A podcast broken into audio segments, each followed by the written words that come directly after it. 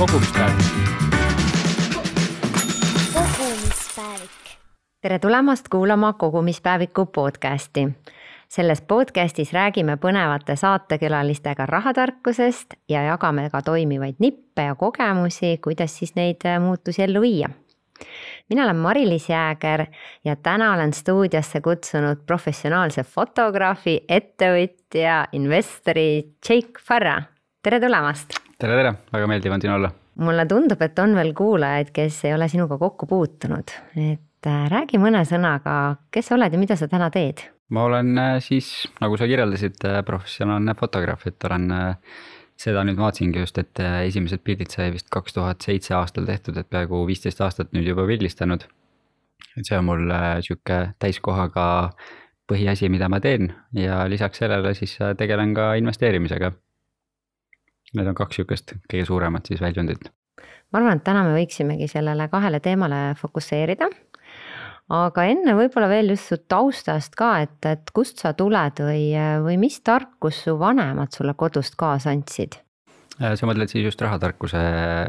jah, rahatarkust või ma ei tea, ettevõtlust või kõike seda, mida sa juba täna teed mm. -hmm. et ma ise tunnen, et äh, ma pigem sain nagu päris noorelt iseseisvaks, et mu vanemate suhted ei olnud väga head, mis päädis nagu sellega, et, äh, et minusse on jäänud sihuke soov olla iseseisev ja iseenda asjade eest vastutada ja, ja miks see ka nagu on mind siis nagu investeerimise juurde viinud, ongi see, et, et ma tahaks, kui mul oleks enda lapsed, siis enda lastega võimalikult palju aega koos veeta, et äh, ma usun, et meie nagu kõige kallim vara on aeg ja, ja ma tunnen vähemalt äh, enda kogemuse põhjal, et kuna mu ema äh, noorena siis panustas väga palju aega meisse, oli väga palju meiega koos. siis seetõttu on ka praegu meie suhted väga lähedased. et ma tahaks kindlasti enda lastele ka võimaldada seda, et ma saan anda võimalikult palju enda aega siis neile. ja, ja tänu sellele ma olengi jõudnud investeerimisele, et tekitada endale siis mingisugune passiivne sissetulek ja et mul oleks need võimalused, et ma saaksin see hetk, kui lapsed on olemas, pakkuda neile siis aega mm. -hmm, et sul on vaba aeg siis olemas. jah yeah väga lahe. Eh, räägime veel sellisest esimesest töökogemusest või jah, esimene palk ja, ja mis sa sellega tegid ja kuidas see kõik sealt edasi läks? ma arvan, mu kõige esimene sihuke ametlikum palk võis tegelikult olla, kui ma käisin õpilasmalevas ja ma käisin erinevates õpilasmalevates, seal sai kas siis maasikaid korjatud või mingisuguseid ehitustöid, asju tehtud ja ähm, ma arvan, et äh, ma väga täpselt enam ei mäleta, mida ma selle rahaga seal tegin, ma pigem olen terve elu sihuke kokkuhoidlik olnud, et pigem olen seda siis äh, lihtsalt niimoodi vaikselt kogunud, nii palju kui võimalik. ja sihuke, kui nagu malev kõrvale jätta, sealt järgmine sihuke ametlikum töökoht oli äh, tegelikult degustaatori töökoht siis, et ma käisin erinevates kaubanduskeskustes inimestele erinevaid tooteid siis pakkumas ja tutvustamas. eriti tore oli, on ju pakkuda siis äh, alkoholi, kuigi ma ise olen täiskartlane ja ma ei tea tegelikult nagu veinidest ja alkoholist otseselt midagi. ja siis lihtsalt äh, äh, justkui siis noh, mitte päris petta inimesi küll, aga jätta mulje, et ma olen väga teadlik nendest ja, ja siis äh, tutvustada erinevaid jooke tuttav teema, ma mäletan, et äh, ma pakkusin tubakatooteid mm., samamoodi ise ei suitsetanud, aga, aga see ongi võib-olla ennast teise positsiooni panemine ja ja see ikkagi see, ma ei tea, müügitöö või pakkumine või see inimestega suhtlemine, et äh, sa ise oled ka öelnud, et sa oled pigem äh, selline introvert mm, -hmm. et kuidas see kõik sul välja tuli? ma tunnen, jaa, ma olen nagu kindlasti väga tugevalt introvert olnud, et aga see ongi olnud sihuke teadlik otsus, et panna ennast sellest mugavustsoonist välja ja lihtsalt proovida siis teha midagi teistmoodi, teha midagi, mida siis ma ei tea, justkui ekstraverdid teevad väga loomulikult. Et äh, jah, noh, see on ka üks põhjus, miks ma ka pildistan või üldse alustasin pildistamisega, et, et äh, ma tundsin, et ma olen väga introvertne, aga äh, pildistamine andis sihukese võimaluse olla nagu sotsiaalsetes üritustel ja asjadel, sul oli küll see mingisugune kaitsekilp kaamera näol siis nagu ees, aga see andis väikse sellise lükke sinna ekstravertsuse poole ja, ja kõik need aastad on selle nagu siis paremuse poole silumine olnud. Aga kuidas, noh, see ei saanud olla ainult selline teadlik otsus, et ma hakkan nüüd fotograafiaga tegelema, seal pidi mingi selline sisemine huvi või, või kust selline pisik üldse tuli? Ähm,?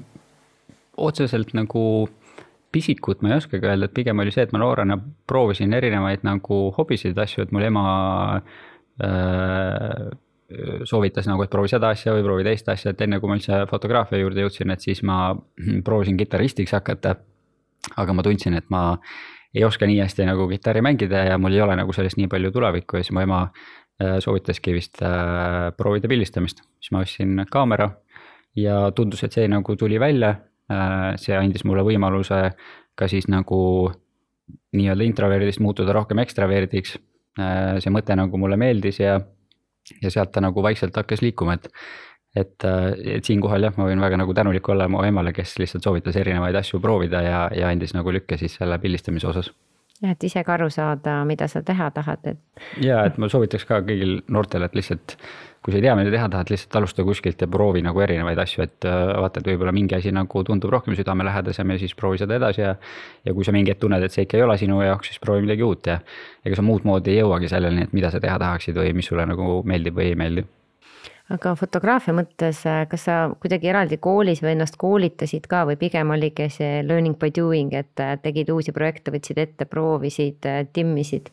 pigem jah, iseseisvalt nagu õppinud, et äh, vaadanud kas erinevaid siis äh, noh, väga palju erinevaid ajakirju ja raamatuid olen fototeemadel läbi lugenud ja Youtube'ist on ju videosi vaadanud, aga niimoodi eraldi koolis kuskil ei ole käinud, et.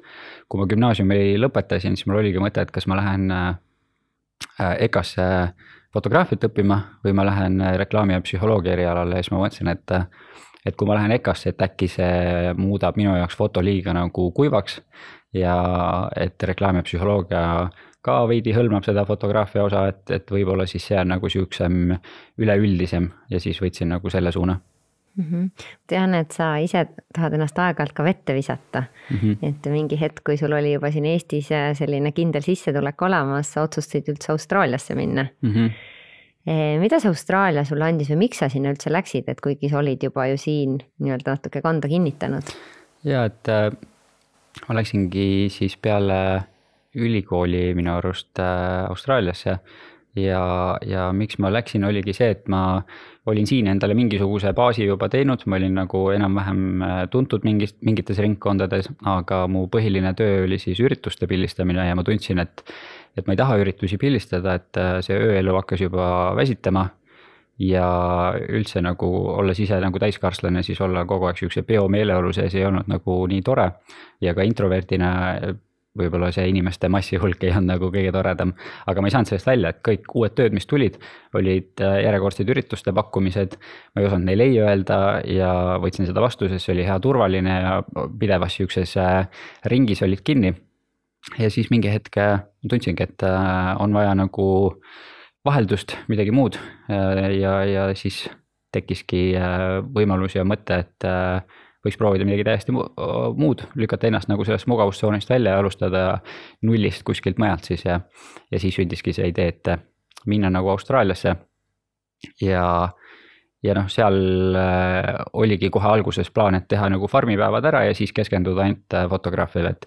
et ma ei tahtnud midagi muud hakata tegema, et mulle pildistamine nagu Eestis meeldis ja sobis.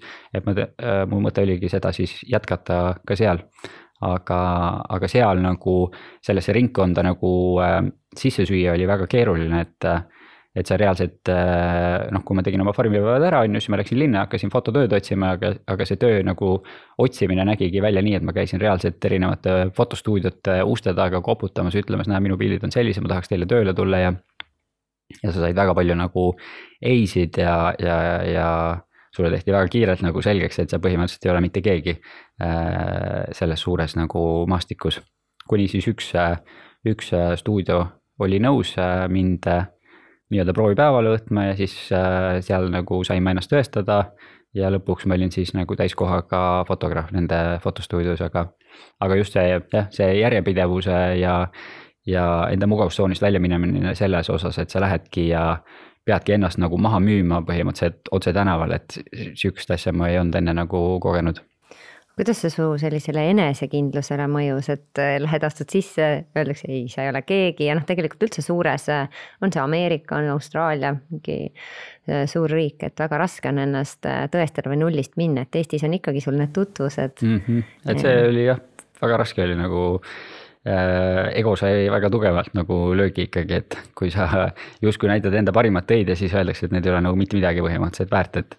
et see oli, see oli nagu raske aga, aga noh, eks neil mingil määral on ka nagu ma arvan, et võib-olla õigus, et, et äh, kui mind oleks võib-olla, ma ei tea, avasüli vastu võetud ja ülistatud kohe, siis ma ei tea, mis siis oleks saanud, et see nagu äh, andis nagu lisamotivatsiooni paremaks saada ja aitas mul endal ka nagu nii fotograafina kui lihtsalt inimesena siis äh, järgmisele tasemele või paremaks nagu muuta minu soovitus on ka kõigile kuulajatele, et äh, minge vahepeal, visake ennast täiesti vette, et ise läksin ka USA-sse. ei osanud ei keelt ega ma tean, see hetk ma pidin lapsi minema hoidma, polnud ka väga lapsi hoidnud. et päris keeruline, aga minu meelest, kui sa sellest välja ujud et äh, siis see enesekindlus ja, ja see teadmine, et ma saan tegelikult ikkagi igas situatsioonis hakkama, et äh, see on kogu eluks äh, hea kingitus. jaa, kindlasti me samamoodi, et kes nagu gümnaasiumi lõpetavad ja, ja kui sa ei tea nagu, mida sa teha tahad, siis ma soovitan kindlasti minna välismaale või reisima, et et see avardab nagu nii palju rohkem silmaringi, et kui ma mõtlen, et mina käisin haridus on ka kindlasti väga oluline, aga, aga kui ma võrdlen nagu enda kolme aastat ülikoolis versus kahte aastat Austraalias, siis noh, Austraalia tegi minust teise inimese täiesti, et äh, ülikool küll andis mingisuguse nagu hariduse, aga, aga kes vähegi nagu ei tea, mida teha, siis ei ole mõtet lihtsalt tuimalt minna ja midagi hakata tegema lihtsalt sellepärast, et paber kätte saada, et palju mõistlikum plaan oleks võtta siis aeg maha ja minna reisima ja lihtsalt leida ennast ja vaadata, mis sulle meeldib ja see võib äh, pikas perspektiivis palju rohkem sulle anda jah, mitte täita neid vanemate soove, et võib-olla vanematel ka on see hirm, et nii, nüüd ta läheb kuhugi reisima, ma pean veel kinni kõik maksma selle, on ju. et aga see on samas teistpidi väga-väga oluline ja oluline iseseisvumisel um,. miks sa otsustasid tagasi sealt tulla, et tegelikult oleks ju võinud täiesti seal äh, ka edasi elada ja, ja toimetada? ja et kui ma läksingi sinna ja seal nagu tööd tegin või alustasin töö tegemisega üldse, siis ma mõtlesin, et Austraalia ongi väga sihuke äge maa ja ma tahakski siia elama jääda ja sponsorviisa saada ja üldse Austraalia kodakondsus endale võtta. aga kuskil nagu viimase poole aasta peal ma mõistsin, et tegelikult äh, ega väga riikidel erinevaid nagu ei ole nii, et Austraalia on nüüd see ülim ja Eesti on täiega halb, vaid tegelikult mõlemal riigil on omad plussid ja miinused. ja, ja ma pigem hakkasin tundma, et äh, tegelikult Eesti on päris hea koht, et et äh, paljudega, kellega ma ka suhelnud olen, kes ei ole nagu Eestist väljas käinud, teevad nagu Eestit maha ja ütlevad, et kõikjal mujal on nagu ägedam. aga tegelikult ja ma võib-olla ise olin ka too hetk selline, aga kui sa lähed reaalselt Eestist välja, siis sa näed tegelikult, kui hea tegelikult Eesti on ja mis võimalused asjad siin on ja, ja seal olles ma tundsingi, et äh, kuigi see stuudio pakkus mulle sponsorviisat ja ma oleks saanud sinna jääda, siis ma tundsin, et. et äh, eesti keel ja Eesti inimesed ja Eesti toit on nagu nii palju rohkem väärt kui ükskõik mis muu nagu see keskkond siis. ja, ja, ja Eesti on küll väike, aga see väiksus on tegelikult väga hea, sest sul on äh, palju rohkem võimalik jõuda, palju kõrgemale võimalik jõuda, et, et see, et ma Eestis nagu, ma ei tea, sa tahad presidenti pildistada näiteks, ei ole nagu väga raske. et piisab kasvõi näiteks paarist inimesest, kui sul otsekontakti ei ole ja sa saad seda juba teha, aga. aga kuskil, ma ei tea, näiteks kui sa USA-s oled ja tahaksid USA presidenti pildistada, no see, ma arvan, et on väga keeruline või võtab väga kaua aega, et sa sinnani jõuaksid. mul endal oli sama, et ma tundsin kuidagi nende, neid juuri, et siin sa teed mingi nalja Äh, teised saavad aru, noh, seal sa oled ikkagi väljast tulija, on ju, et sa mm -hmm. pead sulanduma sinna massi, mitte vastupidi. ja, ja ma olen nõus, et tuleb ära käia selleks, et jällegi osata hinnata mm -hmm. seda, et. aga kui sa nüüd tagasi Eestisse tulid, sa noh, natuke hakkasid ikkagi jälle nullist, on ju, või, või kas sa jooksvalt tegid midagi selle heaks, et Eestisse tagasi tulles oleks sul kohe niimoodi koht, kust jätkata? Äh, jaa, põhimõtteliselt siis ütleme, see viimane pool aastat, kui ma otsustasin, et ma ikkagi Austraaliasse ei jää ja ma tahan Eestisse tagasi tulla, siis ma hakkasin aktiivsemalt äh, enda siis äh, turundust põhimõtteliselt tegema, sotsiaalmeediat. ja, ja kui ma tagasi tulin, siis tegelikult juba praktiliselt samal nädalal olid mul juba erinevad mingid pildistamised kokku lepitud ja see äh, uus klientide tulv oli nagu meeletu, et ma ei oleks uskunud oodata, et see asi nagu nii kiiresti läheb käima ja, ja, ja nii hästi läheb. et äh, ja võib-olla ka see, et, et sul on jälle see keskkonnavahetus, see annab sulle nagu energiat ja siukset power'it ja selle pealt äh, sai nagu väga sujuvalt Eestisse sisse tuldud ja edasi mindud kuigi eelnevalt, kui ma Austraaliasse läksin, siis ma nagu väga põdesin ja kartsin seda, et, et ma kõik nagu sillad põhimõtteliselt põletan ära, jätan maha ja keegi ei mäletagi enam, kes ma olen ja, aga seda nagu õnneks ei juhtunud. mis su kirg täna on või mida sulle kõige rohkem meeldib äh, teha just fotograafia mõttes äh,? väga keeruline küsimus, sest ma ise tunnen, et, äh, et ma olen nüüd pea viisteist aastat on ju pildistanud juba. et vaikselt hakkab äh, pildistamine muutuma nagu üsluiseks. ja, ja seda kirge on nagu pigem väga keeruline juba leida. üldse see, et, et paljude jaoks on see, et, et äh, sa saad hobi ja töö nagu üheskoos teha, siis tegelikult mingi hetk äh, see ei ole nii hea enam, sest see hobi äh, muutubki tööks ja sul ei olegi enam otseselt võib-olla. sul pole seda, hobi enam. jah, sul pole enam seda hobi, et sul on ikkagi puhas töö. et ongi, et ma kui kunagi, kui ma alustasin ja, ja pildistasin, siis ma ei tea, lihtsalt enda lõbuks põhimõtteliselt. siis äh, tänasel päeval väga seda enam ei ole, et, et äh, kui mul nagu ei ole, kui ma tahan midagi enda jaoks teha, siis ma pigem ei pildista, ma panen kaamera kõrvale, teen midagi, ükskõik mida muud, kui et just pildistamisega tegeleda aga mingit, ma ei tea, näitust või mingit sellist kunstiväljendust läbi fotograafia, et.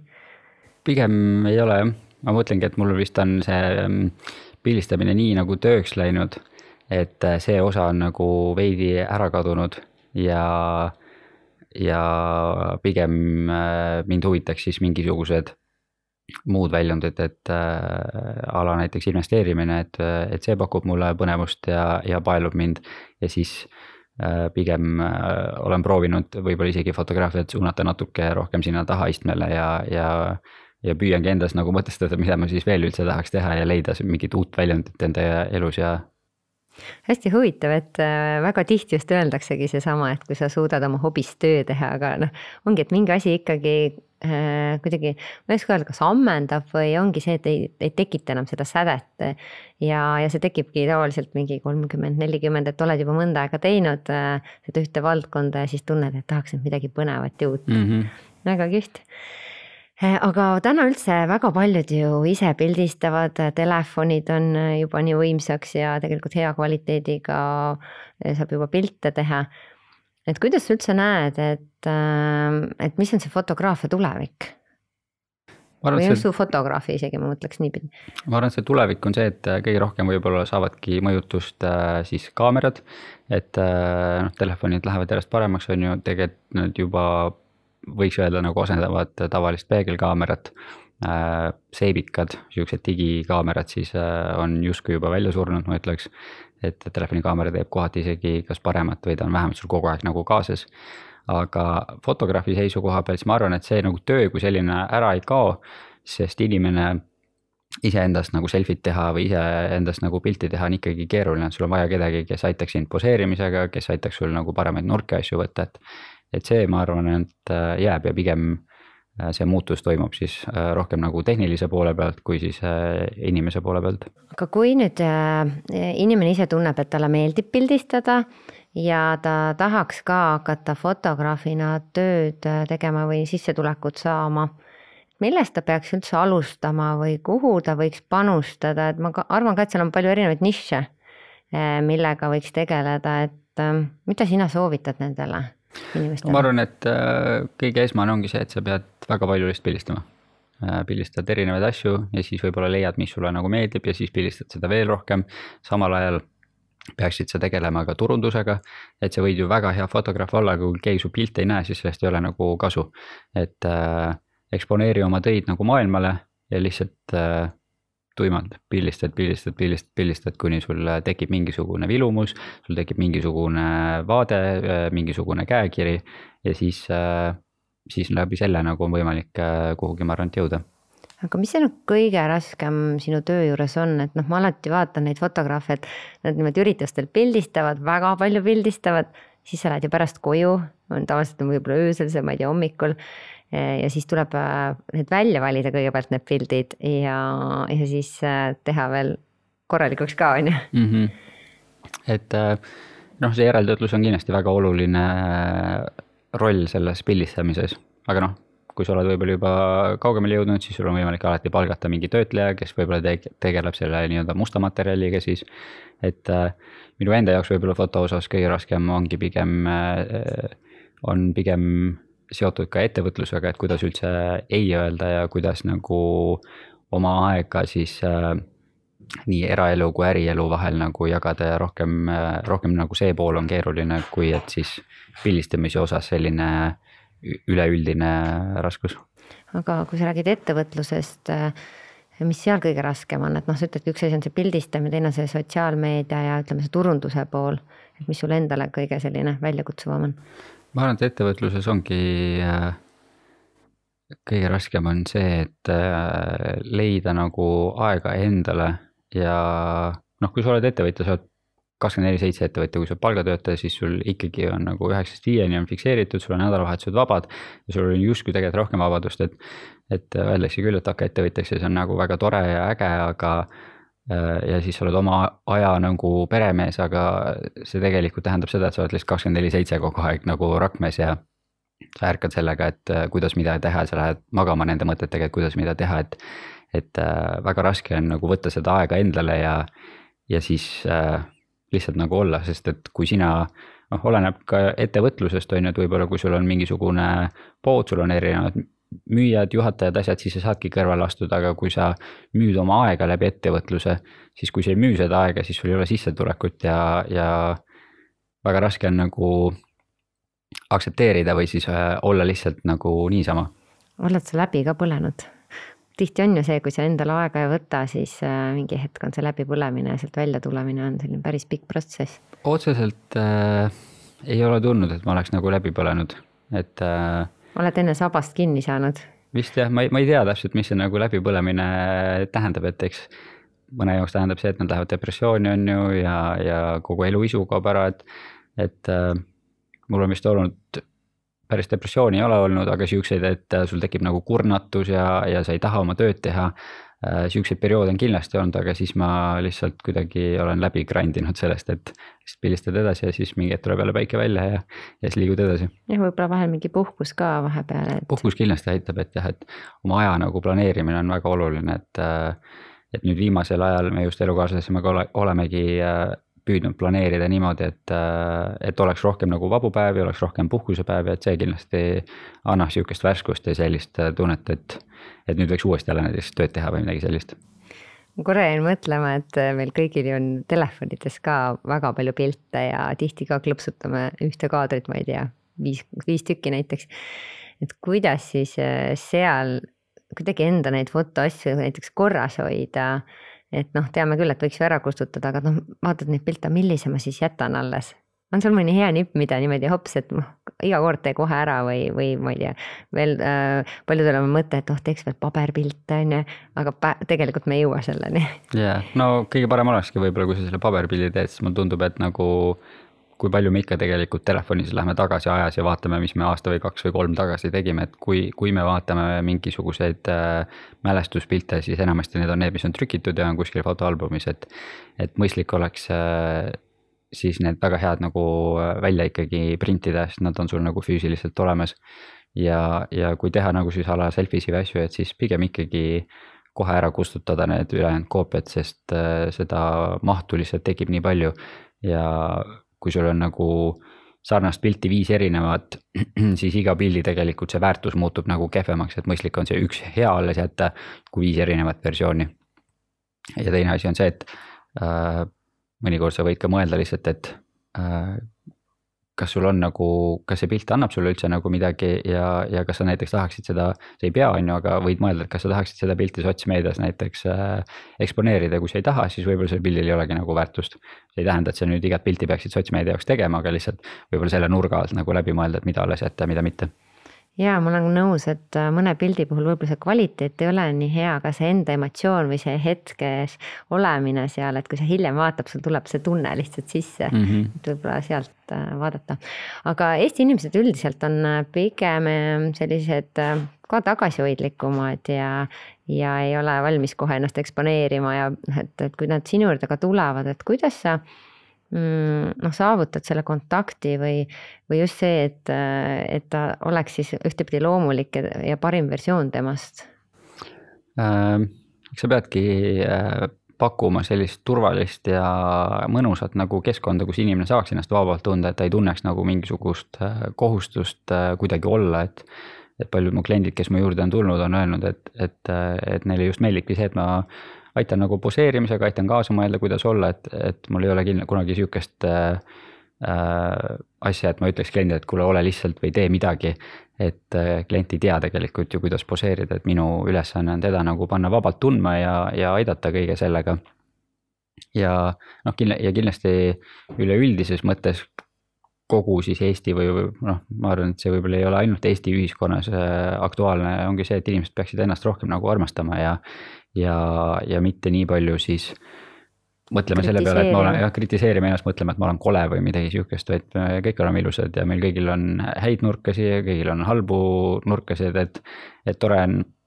olen näinud nagu Instagramis ka mõned, ma küll meeste, meeste nagu siukseid pilte või reels'e nagu ei ole näinud, aga, aga paljud naised nagu teevad endast pilte, kes nagu näevad pilti ilusad välja, aga siis nad teevad ka nagu äh, kõrvalpildi, kus nad võib-olla siis ei ole nii pilti ilusad, istuvad ja neil ongi näiteks äh,, ma ei tea, rasvapolte või asju, et see on kõik tegelikult normaalne. ja, ja tegelikult seda me peaksime nagu rohkem edasi andma, kui seda, et kõik on klantsitud ja kõik on ilus, sest see ei ole tegelikult reaalsus ja väga paljud just sellest nagu juhilduvadki ja vaatavad, et, et inimesed eksponeerivad ennast sotsmeedias ainult nendest ilusatest külgedest ja näed, et minul ei ole võib-olla seda ilusat külge, mul on siin pahasti või see on pahasti ja, ja see mõjub nagu väga karmilt inimeste enesekindlusele ja enesehinnangule mulle ka tundub, et just äh, noorte seas, et noh mm -hmm., võib-olla seal nelikümmend, viiskümmend sa enam ei muretse selle pärast nii palju. aga noorte seas, et seal on ju kõikidest parimad versioonid ja kui mm -hmm. sa mhm. enda arust teed parima versiooni ja siis juba kritiseeritakse et päris, päris karm on ja mulle tundubki, et see jätab äh, sellise valusa jälje mm. -hmm. ja mina ka väga nagu pigem ütlen, et noh, oleks just neid teisi pilte ka või et äh, neid äh, mitte hakkamasaamisi siis mm. -hmm. ja ma olen nõus, et ennast kiita või kuidagi rohkem endale pai teha, sest seesama enesekindlus, et see ju paistab igalt poolt välja. ükskõik, mida sa ka ette võtad et, et ja noh, needsamad lähedased, et siis üksteisele neid ilusaid sõnu ka öelda mm. -hmm, kindlasti mm. -hmm. kas sul on midagi juhtunud ka äh, sellist, et ma ei tea, pildistasid ära ja kõik, ma ei tea, pildid läksid kaduma või fotoaparaadiga juhtus midagi või mingi selline täiesti oh. Õnneks äh, ei, mul on olnud tegelikult jah, selle viieteist aasta jooksul vist kaks või kolm korda on, on niimoodi, kus pildid nagu kaovad kõvakette pealt ära, aga õnneks on olnud erinevaid tehnilisi viise, siis kuidas neid nagu taastada, et, äh, et selles suhtes äh, ei ole nagu halvasti läinud. Äh, aga ma püüan ka ikkagi väga nagu, mul on pildid nagu back-up itud ühe korra, teist korda veel kolmandasse kohta, et, et ma ei, ma ei julgeks nagu riskida, eriti kui sa näiteks lähed pulmapildista ja kaotate kellegi pulmapildid ära, siis ma. katastroof. ma, ma, ma ei kujutaks ette seda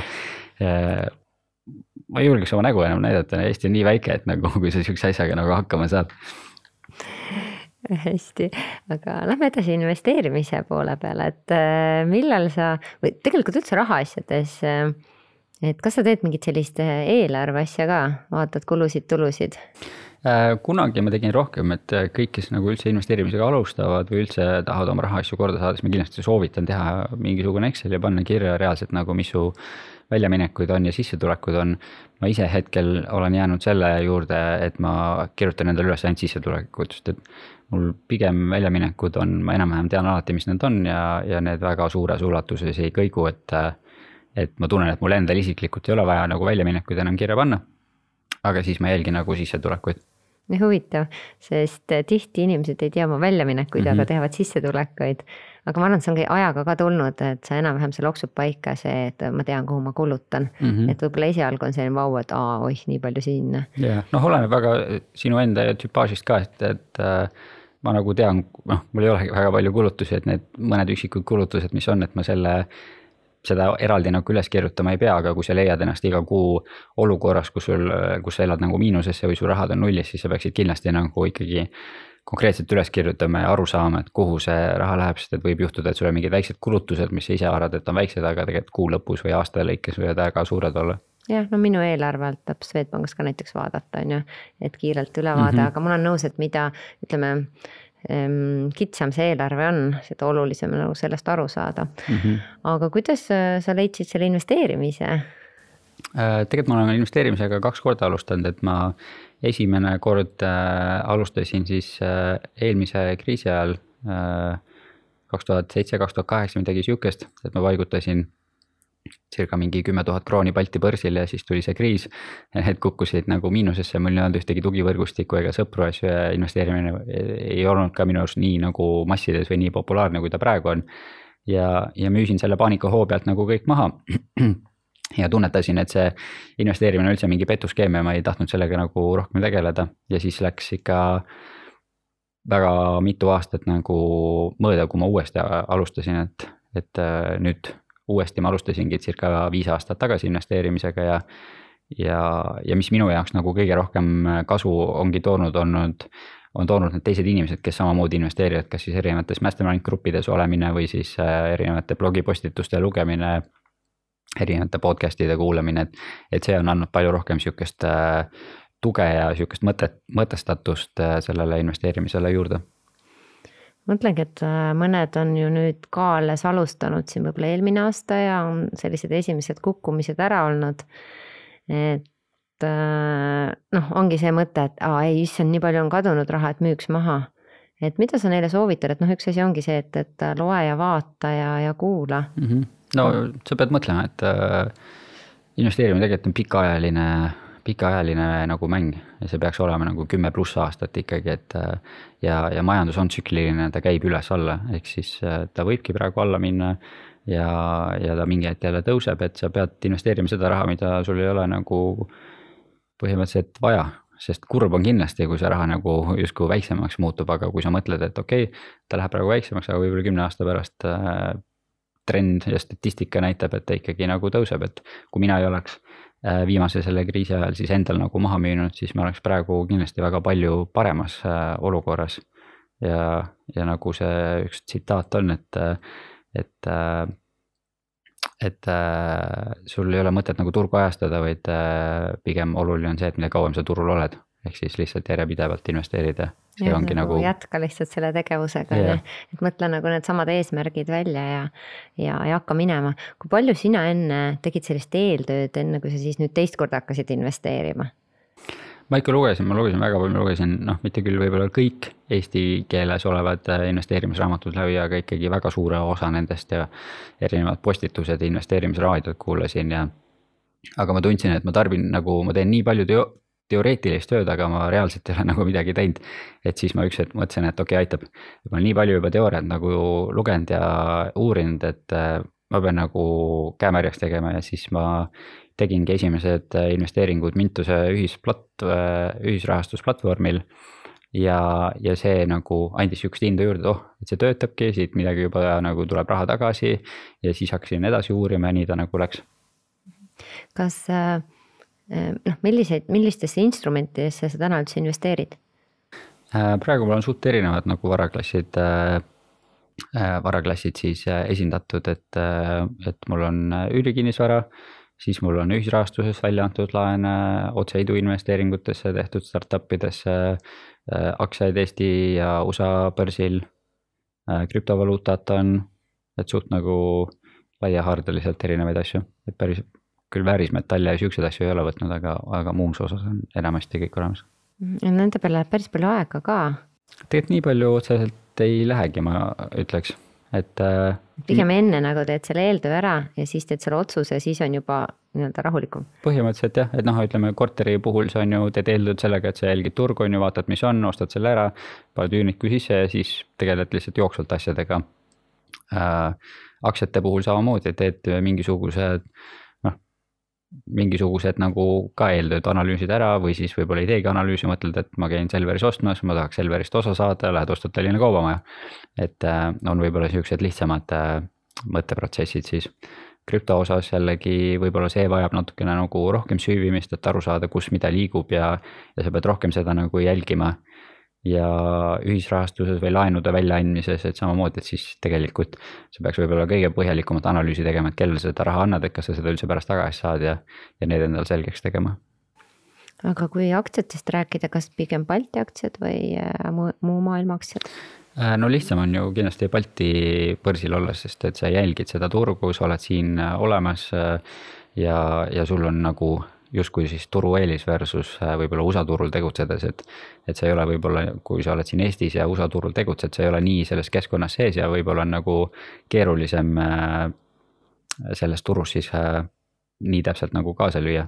pluss ka Balti turul äh, on enamasti tegelikult need tootlused natuke paremad isegi kui USA turul.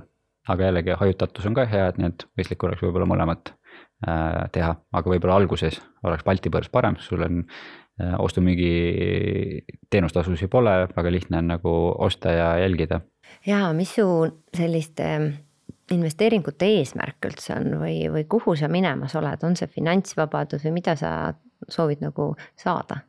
no minu algsed eesmärgid ongi olnud numbrilised, et ma ei tea, paned portfelli, et portfell peab sada tuhat olema, siis saad selle kätte, siis on kakssada tuhat ja siis on kolmsada tuhat, nelisada tuhat. ja nii ta läheb nagu kogu aeg edasi, et, et ma olen ise nagu leidnud, et ei ole väga mõtet neid numbrilisi eesmärke panna, sest et tegelikult see number läheb kogu aeg järjest suuremaks ja sa justkui saad selle eesmärgi kätte, aga samas ei saa, sest et kohe tekib uus eesmärk. Äh, finantsvabadus minu jaoks ongi see, et su passiivsed sissetulekud katavad su siis äh, väljaminekud ära, see on mul nagu saavutatud. aga, aga see finantsvabadus tuli ka niimoodi, et, et üks päev vaatasin, et ah, et nüüd ongi käes, aga ei olnud sihukest, et mingi. eufooriat, pidu ei olnud. mingit eufooriat ja pidu ei olnud jah, et äh, lihtsalt tuli ja, ja nii ta nagu on, et äh, ja ja ongi nagu keeruline, et praegu ma olen ka nagu sihukeses olukorras, et kui algselt, kui ma alustasin, siis mul olid ikka väga kindlad eesmärgid äh,, sihtisin nende poole, siis nüüd otseselt nagu ei ole neid eesmärke, vaid äh, ongi noh, keeruline, keeruline seda eesmärki seada, kui, kui sa ei teagi, mida sa põhimõtteliselt tahad, et, et äh, mu nagu algne tees on, ongi see, et, et saada seda aega, mida siis oma perele anda ja siis ma olengi lihtsalt põhimõtteliselt nagu selle suunas liikunud, et lihtsalt kasvatada vaikselt seda portfelli edasi ja kui üks hetk ongi äh, lapsed näiteks, et siis äh, sa ei peagi nagu nii aktiivselt enam tööle panustama, vaid saad oma siis aega äh, perele pühendada. kas see tähendab, et sa täna põhimõtteliselt võid öelda, et ma rohkem pilti ei tee ja, ja hakkan vaatama, mida ma edasi teen? jaa, võiks küll, aga, aga mul on väga, ma tunnen, et, et mul on väga raske nagu oma eesmärkidest või siis oma nagu ütleme, mul on mingisugused eesmärgid iga kuu äh, näiteks sissetuleku osas, aga väga raske on äh, sealt siis allapoole minna selles mõttes, et kui ma nüüd lõpetaksin töö ära, siis mul sissetulekut ei ole, oleks see küll passiivne sissetulek, aga see oleks nagu vähem, kui mu praegu aktiivse tööga tuleb, et väga raske on äh, siis enda jaoks nagu aktsepteerida seda, et nüüd ma teenin vähem, sest et siis ma tunnen, et kuidagi kindluse tunne, eks. kindluse tunne ja ka see, et siis ma tunnen kuidagi, et ma olen nagu läbi kukkunud, et ma ei suudagi nüüd paremini, et. ma ise piitsutan ennast kogu aeg, et ma pean parem ja rohkem ja parem olema, et siis, et siis ongi. ühtepidi nagu ei taha midagi teha, teistpidi pead ennast jälle piitsutama, et, et väga siuksed kahe, kakspoolsust on sees, et äh, raske on leida seda tasakaalu. Kas on mingid ämbrid, mida sa tahaksid äh, ka kuulajatega jagada just oma selle investeerimise teekonnal, et midagi proovisid, said vastu näppe? noh, see üks äh, näide oli see tõesti, et ära müü maha, on ju. Äh, sest mina mäletan, mina samamoodi alustasin kaks tuhat seitse ja, valus oli aga mul veel läksid need aktsiad börsilt ära ka mm., nii et mul ei olnud võimalust, ma hoian kauem, on ju, ikka mm -hmm. müüsidki maha, said selle kahjumi sisse aga on sul äkki veel mingeid selliseid, äh, ma ei tea, sellesama Mintusega või oma rahaga või, või siis äh, kinnisvaraga mm,? otseselt nagu ämbreid vist niimoodi ei ole, et äh, noh, põhiline asi ongi see, et, et ära müü maha, kui asjad on nagu miinuses ja mõtle, miks sa üldse läksid sinna sisse. teine asi on see, et kus ma olen nagu kolistanud natukene ämbreid, on see, et ma olen võib-olla liiga vara müünud, et kui ma näiteks Funderbeamis siin Change'iga näiteks investeerisin, siis äh, kui Change oli oma hinda kaks korda tõus-, kaks-kolm korda vist äh, tõusnud, siis ma müüsin maha, aga see hind tõusis veel peaaegu kümme korda, nii et väga palju tootlust jäi sealt on ju saamata. et siuksed asjad, et ma olen nagu liiga kärsitu olnud ja, krüptovaluutas olen äh, tundnud seda, et äh, sa pead ikkagi väga nagu aktiivselt jälgima, kus su raha on ja, ja, ja mis sa sellega teed, et seal olen võtnud nagu mingisuguseid investeeringuid, mis praktiliselt on nüüd nagu nulli läinud, aga võib-olla kui ma oleks rohkem nagu aega panustanud sinna ja veel rohkem nagu pidevalt sellel silma peal hoidnud, siis äkki ma oleks suutnud nagu seda ennetada. aga see on ka sihuke oleks-poleks selline proovimise koht on ju mm, -hmm. et Mhm. äh, ma arvan, erinevatega ongi, et sa pead aru saama, et mis valdkond see sulle võib-olla enam ka huvi pakub äh, ja sinu sellise, ma ei tea, iseloomuga sobib näiteks mm. -hmm. Aga mida sa ütleksid nendele inimestele, kes ütlevadki, et äh, inflatsioon on nii suur, et ma pigem kulutan kõik selle raha ära. ja noh, see, see investeerimine ongi natukene selline kahtlane, et äh, seal ju võid raha kaotada. et äh, jaa, võibki nagu raha kaotada, et aga samas võid ka nagu raha juurde saada, et et mul on ka selliseid tuttavaid, aga noh, nende puhul ongi see, et, et sa ei saa nagu neid justkui nagu õpetada, et, et sa mingi hetk pead lihtsalt leidma selle, nad peavad ise jõudma selleni, et nad tahavad äh, seda investeerimist nagu siis selgeks saada. Äh, kui nad seda, kui nad ise ei ole nagu selles kohas, et selles aru saada, siis väga raske on neid nagu mulle tundub mõjutada ise või panna siis nagu investeerima või midagi sellist kas see on ka see nagu keskkond, kus nad on, et ja nad otsivad ju samamoodi endale kinnitust, et kõrvalt keegi ütleks, et noh, muidugi kulutame ära, osta ära, ma ei tea, sul on vähemalt mingi kindel asi, on ju. see võib olla küll niimoodi jah, et äh, eks võib-olla inimesed tahavad nagu õigustust oma käitumisele, et, et see on normaalne elada praegu hetkes. aga minu jaoks nagu ma ikkagi oma elus jälgin nagu seda pikka mängu, et et kui ma praegu ennast nagu nulli elan, siis jah, mul on täna on tore, aga homme ei ole nagu tore, et, et sa pead ikkagi mõtlema nagu kaugema perspektiivi peale ka. jah, kui sa mingi asja ostad, siis on kohe sada protsenti kaotust on ju, ehk sul enam pole seda raha. kui sa investeerid, noh, võib-olla on mingi protsent sa kaotad, aga sul on võimalus ikkagi mingi osa jääb rahast kindlasti alles on ju. et hea niimoodi ka mõelda küsin veel, kuidas sa ennast vormis hoiad, et äh, just nimelt olla see ergas ja ärgas ja, ja ma tean, et sa ise päris palju ennast piitsutad ka tagant, et äh, mis need on sellised, ma ei tea, kas rutiinid või, või see mõtteviis, mis sind aitab mm,? ma arvan, et sihukest mõtteviisi otseselt ei ole, et, et ma olen väga tänulik oma elukaaslasele, kes aitab seda tasakaalu põhimõtteliselt hoida, et ma tunnen, et ma, mul on tendents nagu kaduda töö sisse ära ja, ja väga nagu kõigele jaa öelda ja, ja siis Äh, leida ennast olukorrast, kus mul põhimõtteliselt enda isiklikku aega ei olegi ja, ja muud aega ka tegelikult ei ole kui ainult tööaega, et siis tema nagu on aidanud hoida seda tasakaalu ja siis äh, mind äh, nagu välja tõmmanud sellest ja ma korra küsin, kuidas see käib, et kas ta ütleb, et nii, nüüd on meie ühisaeg, nüüd on sinu aeg või siis, või siis niimoodi, ma ei tea, kuidas ta teeb seda? jah, oleneb erinevalt, et, et korraldab midagi pigem äh, peab minuga nagu, äh, peab minuga nagu kõne maha ja arutelu, et, et äh, kui ma nagu ise hakkan kaebama, et oo oh, näed, et mul nii raske ja, ja nii palju tööd on ja pole vaba aega, siis ta nagu tuletab meelde, et ma tegelikult ise ju teen seda ja siis paneb mulle nagu selle peegli ette ja, ja siis ma näengi, et okei okay,, et tegelikult ma ise ju põhimõtteliselt teen seda ja, ja ma ise peaksin ka vastutust nagu selle eest võtma. aga lihtsalt ta toob selle nagu esile, et kui ta võib-olla ei tooks seda esile, siis ma võib-olla ei mõtlekski selle peale, et, et ta vähemalt äh, annab siis nagu vihje, et nüüd, nüüd on nagu aeg üle vaadata see korraldus. arenguvestlused. jah, et niisugune coach kõrvalt niimoodi. põhimõtteliselt jah, võib öelda küll, et siuksed arenguvestlused siis jah. aga mingit, ma ei tea, sporti teed äh,? püüan jah, teha sporti väga nagu spordiga minu arust alati iga kord see, et et nagu väga raske on teha, aga kui ära teed, siis on nagu hea tunne. aga, aga nüüd jah, me oleme võtnud elukaaslasega eesmärgiks, et kolm korda nädalas teha nagu trenni.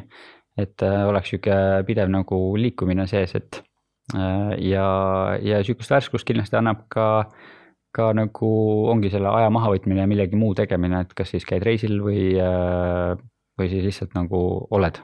Ja minu jaoks põhimõtteliselt seda erksust võib-olla annabki lihtsalt see, et kui ma ei tee tööd või teen midagi muud, et siis see juba pakubki seda piisavalt.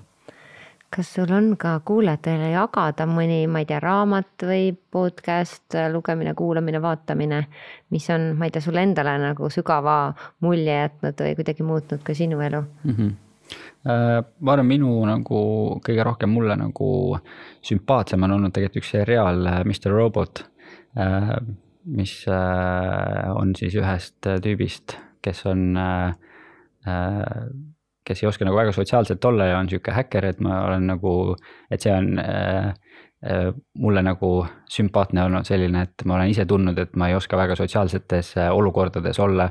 ja siis äh, seda nagu ekraani pealt näha on olnud sümpaatne ja, ja talle, tema on häkker, aga mulle on lihtsalt nagu meeldinud sihuke teema. aga teised kaks asja, mis äh, võib-olla ei ole siis nagu raamat või, või, või film, on äh, pigem äh, mastermind gruppides olemine. See on nagu väga palju andnud just see, et sul on sarnased inimesed kõrval, kes sind toetavad ja kellega on nagu tore asjadest rääkida. ja vast nagu kõige olulisem asi on tegelikult see, et sul oleks õnnelik paarisuhe, et sul on kõrval inimene, kellega sa ju tegelikult oled praktiliselt kakskümmend neli seitse koos. et sul temaga oleks hea olla ja et te mõlemad nagu toetate üksteist ja, ja ma arvan, et see nagu on andnud siis äh, mulle nagu kõige rohkem äh, elukvaliteedi ja õnnelikkusele juurde jah, ma olen sinuga täitsa päri, kuigi kindlasti on hetki, kus sa tunned, et sa ise ei jaksa anda, on ju, või teine ka, et halb, kui nad ühte aega satuvad mm, -hmm. aga, aga see on ka see teadlikkus, et äh, täna on nii, aga mis ma teen selleks, et siit nagu siis edasi minna või yeah., või mis need järgmised sammud on? ja ongi, et sa nagu saad sellest aru, et see on nagu normaalne, kogu aeg ei saagi olla nagu mingi maailma kõrgem nagu level, aga. aga kui sa isegi nendes nagu madalhetkedes suudad ikkagi nagu austusega üksteisega olla ja ikkagi üksteist nagu toetada, siis see on nagu nii nagu hea, sest ma olen olnud suhetes, kus sihukest asja ei ole ja äh, see on nagu raske ja ma näen ka kõrvalt inimesi, kes on suhetes, kus sul ei ole toetavat äh, partnerit või sa ei ole nagu armastavas suhtes, siis see on nii des-, destruktiivne sinu ja selle suhte ja ka tegelikult kõikide teiste sinu ümber olevate inimeste osas. jah, ja ma arvan, et aeg-ajalt on hea ka mõelda, et mida ma ise oma kaaslasele annan mm -hmm. ja peegeldan, et, et see on ikkagi selline kahepoolne. jaa, kindlasti, et see ei ole see, et sa ainult võtad teiselt, et sa pead ise samamoodi nagu pakkuma seda vastu mm. -hmm kuule, aga need on väga head mõtted, et äh, sellega me täna ka lõpetame. Suur-suur aitäh sulle tulemast ja mõtete jagamisest ja ja ma sain aru, tegelikult kõlama jäigi ikkagi seesama, et need inimesed, kes su ümber on ja, ja su enda selline huvi või soov edasi liikuda, et on okei okay,, kui mingi hetk sul ongi, ma ei tea, on ju, või mis see järgmine eesmärk on, aga siis natukene kuidagi seda seedida ja, ja küll see tuleb mm. -hmm. et leidagi kasvõi see uus asi ja, ja samamoodi, et kellel ikkagi fotograafia huvi on, et. et võiks äh, tõesti siis, ma saan aru, pildistada, pildistada, pildistada ja võib-olla leidagi see väike äh, nišš, mis sulle endale meeldib, on see siis, ma ei tea, pered või tõesti portreed või ma ei tea, loodus või ja, ja, ja no nagu sa just ka välja tõid, et minu arust ongi see, et kui ma ise ka kuulan erinevaid podcast'e, siis mulle tundub, et kõigil on nii siht silme ees ja kõik teavad nii hästi, kuhu minna ja mida teha ja siis, ja siis, kui sa ise seda kuuled ja ei tea, siis on nagu no,. jälle halb tunne on ju. on ju, aga tegelikult äh, noh, paljud võib-olla teavadki on ju, kuhu minna ja teavad seda eesmärki, aga on ka väga palju inimesi, kes tegelikult ei tea. ja see on täiesti normaalne, et sa ei tea ja see on täiesti normaalne, sa kobadki selles pimeduses ja võib-olla üks hetk leiad selle lüliti üles ja siis läheb tuba valgeks kusjuures ma arvan, et pigem on rohkem inimesi, kes ei tea, kuhu mm -hmm. nad mhm. liiguvad, äh, aga noh, ütleme, et need, kes räägivad, need tavaliselt juba teavad. ja ma arvan, et ka need, kes täna teavad, on mingil hetkel olnud punktis, kus nad ei tea mm. -hmm. ehk siis see ongi selline üles-alla äh, minemine, kulgemine, et äh, väga lahe. aitäh kõigile kuulajatele ka ja kui teile see episood meeldis, kindlasti jagage ja kuulame juba siis kahe nädala pärast. aitäh. aitäh